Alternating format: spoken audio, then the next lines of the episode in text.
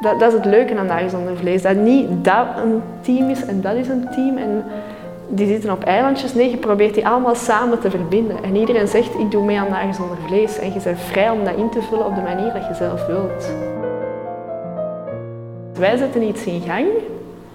En dan beginnen die 40 dagen en dan barst dat zo los. En dat is super tof, want dat, dat gaat een eigen leven leiden.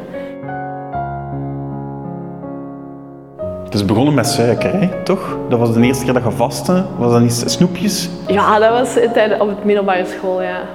Was uw eerste vaste, was ik ga geen snoepen eten dan, of ik ga geen suiker. Ja, ja. ja goed concept, hè? je hebt gewoon gestolen van een, eh, van een klasgenoot van u. Ja. Ja. Maar ja, dat is niet zo'n heel... Dat is gewoon de vasten, hè? Ja, ja, je hebt gestolen van Jezus. Ja, tuurlijk. Moet pikken van de goeie. En het jaar daarna, de tweede keer, zei je... Ik ga, het, ik ga het met vlees doen deze keer. Ik ga geen vlees laten. Maar dan waren er nog altijd niks aan het communiceren, het tweede jaar. Dat het, en het derde jaar ligt in je bed een boek te lezen over Cradle to Cradle. Ja. was het. En dan word je z- zo zenuwachtig in je bed dat je niet meer kunt slapen. Ik was dat boek aan het lezen en ik dacht... Oh shit, er is wel echt een probleem. En dat van dat vlees eten, dat heeft zo'n grote impact. Waarom weet niemand dat? Dat begon vanuit, ja, ik wil iets doen, dus ik ga dat concept van dat minder vlees eten, oké, ik, ga dat- ik ga die vasten proberen, ik ga mensen proberen overtuigen om daar ook mee mee te doen. Vervolgens ben ik echt op mijn computer gaan zitten en een heel pamfletistische tekst geschreven. Ja. Zo super wervend. Als ik hem nog lees, dan denk ik al wel aan... Het is zo... eh, het verspreidt het door met zoveel mogelijk mensen. En eh, het was zo heel groot. En dat werd dan ook zo... Twee dagen later heb ik het dan verstuurd, even nagelezen. Zo, oké, naam van het Facebook-evenement. eh dagen zonder vlees. Oké.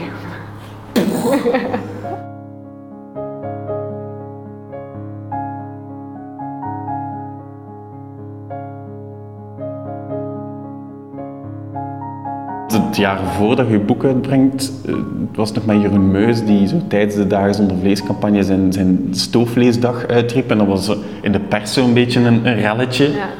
En dan het jaar daarna staat hij als eh, een vegetarisch recept in jullie kookboek. Ja, ja, er zijn heel veel mensen die zo geswitcht zijn. Die in het begin dachten van...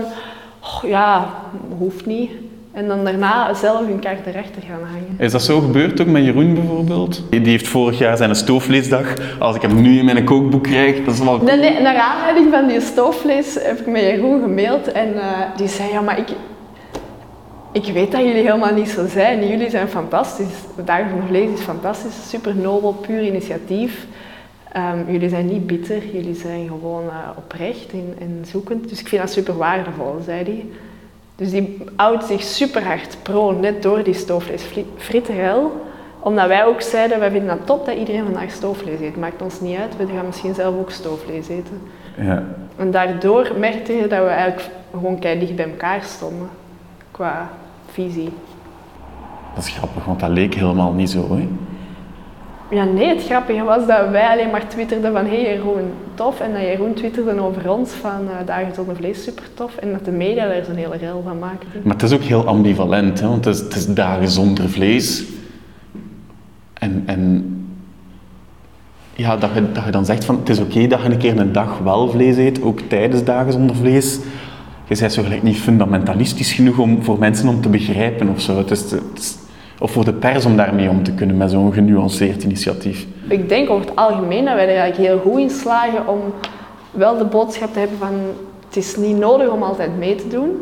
En dat die boodschap wel in de meeste mensen hun hoofd zo aankomt, denk ik. Maar je weet dat het effect groter is dan dat. Hè. Dus je legt je lat heel laag. Als je één dag geen vlees eet, is het goed.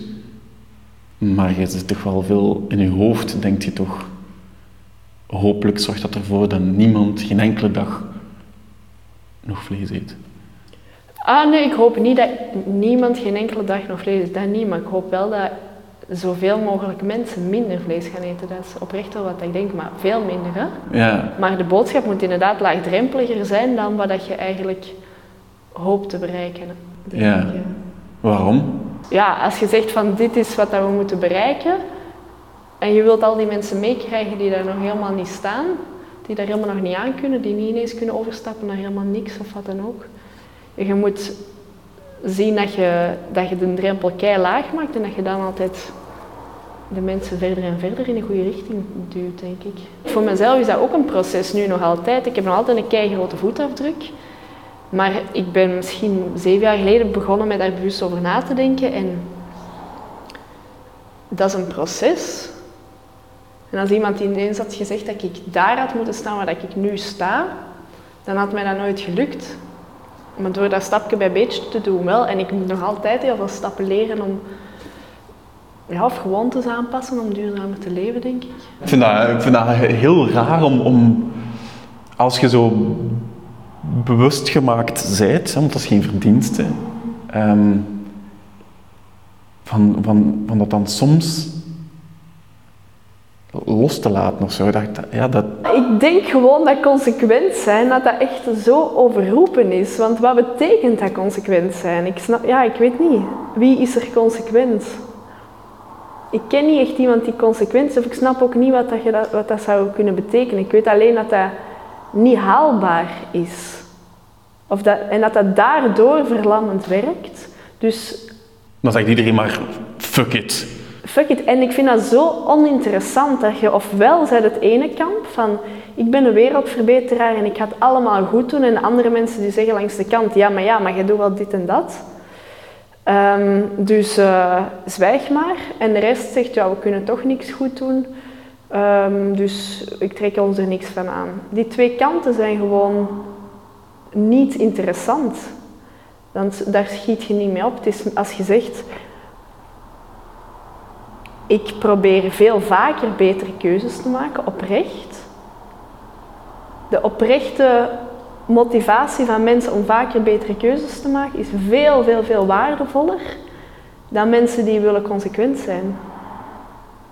Ik denk dat je in je ideaalbeeld moet, ver moet durven kijken van zo zou het eigenlijk moeten. Of zo zou ik het eigenlijk willen.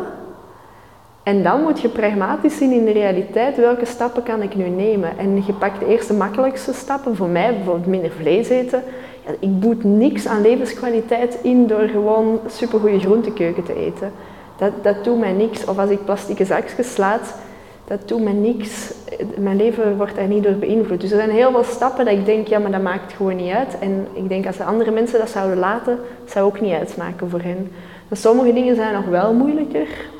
En uh, ik denk dat je gewoon moet zien altijd van wat, kunnen we wel doen en wat niet. En uh, dan wordt dat ook tof, vind ik. Als je het altijd kunt afwegen en kunt zien wanneer vind ik het zelf leuk, lekker, goedkoop, gezond.